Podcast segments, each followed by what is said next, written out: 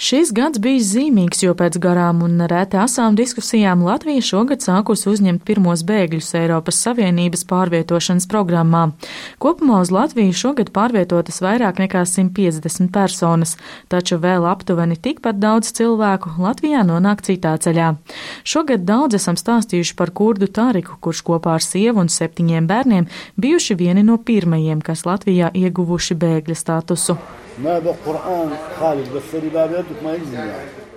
Ar Tariku radio tiekas kādā darba dienas vakarā vīrieši iecienītajā ēstuvē iepretim vērmanis dārzam. Tariks pasūta kebabu jeb lielu maizi ar gaļu un salātiem. Nesam tikušies kopš septembra, kad vīrietis nolēma Latviju pamest, līdzīgi kā to jau bija izdarījuši citi bēgļi ar Latvijas pasēm. Arī viņš nopirka biļeti uz Vāciju. Сначала дети жена уехали, Sākumā sieva un bērni aizbrauca, pēc tam arī es devos uz Vāciju. Domāju, varbūt tur atradīšu darbu, taču arī Vācijā nedod darbu. Vācieši teica, ka ar Latvijā izdoto bēgļu pasi drīkstu strādāt tikai Latvijā. Neizdosies. Vācieši teica, ka ar šo pasi drīksti brīvi ceļot visā Eiropas Savienībā, bet strādāt nedrīkst. Tāpēc es atgriezos atpakaļ. Šeit ir lētāka dzīvošana, bet drīz būs jau gads, un man vairs nepienāksies bēgļa pabalsts. Tad varēsim dzīvot uz ielas. Да. Kad vaicāja, kāds ir parasti smaidīgā un aktīvā vīrieša noskaņojums, viņš atbild, ka slikts. Jau pagājušajā nedēļā Tariks devies apvaicāties par darbu vairākās ātrijās ēstuvēs. Tur esot darbs, bet viņam nav vajadzīgo latviešu valodas zināšanu. Drīz apritēs gads kopš bēgļa statusa saņemšanas, un tas nozīmē, ka arī pabalsti vairs nepienāksies. Если эта страна принимает так, Ja šai valstī tas ir pieņemami, ka cilvēki guļ uz ielas, tad tā arī darīsim. Paskatīsimies, ko ar mani izdarīs. Es uzskatu, ka cilvēkiem ir labāk nomirt vienreiz, nevis katru dienu. Kamēr Tarika ģimene aizvien atrodas Vācijā, vīrietim esot šeit, vispirms jāmeklē jauna mājvieta, tad darbs. Turklāt bērniem pārvākšanās rezultātā nācies skolā izlaist vienu mācību gadu. Viņa prāt ar līdzīgām problēmām saskarsies arī pārējās ģimenes, kas pašlaik atrodas Vācijā. Patiesībā gan Tariks, gan citi bēgļi tur nejūtas laimīgi, un ne tikai darba lieguma dēļ.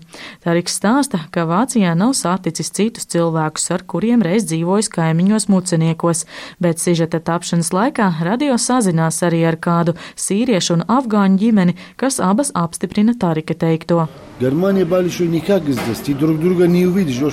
Vācija ir ļoti liela, citam citu satikt neizdodas vispār ir grūti.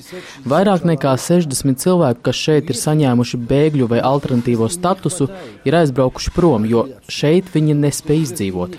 Vācijā, ja strādā melnajā tirgu, vari nopelnīt vismaz dzīvošanai. Mēs tagad gribam dzīvot Latvijā un ne jau bagāti dzīvot, kā apkārt dzird. Mums nevajag, lai mums pieder māja vai mašīna, bet gribam dzīvot viss, vairāk neko.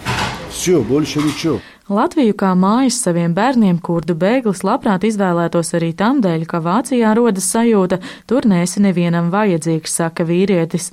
Vēl pirms izlidošanas uz Berlīni šogad septembrī viņš piezvanīja no lidostas Rīga un solīja drīz apciemot gan mani, gan citus cilvēkus, kas iepriekš daudz palīdzējuši, piemēram, ar sadzīves precēm vai pārtiku.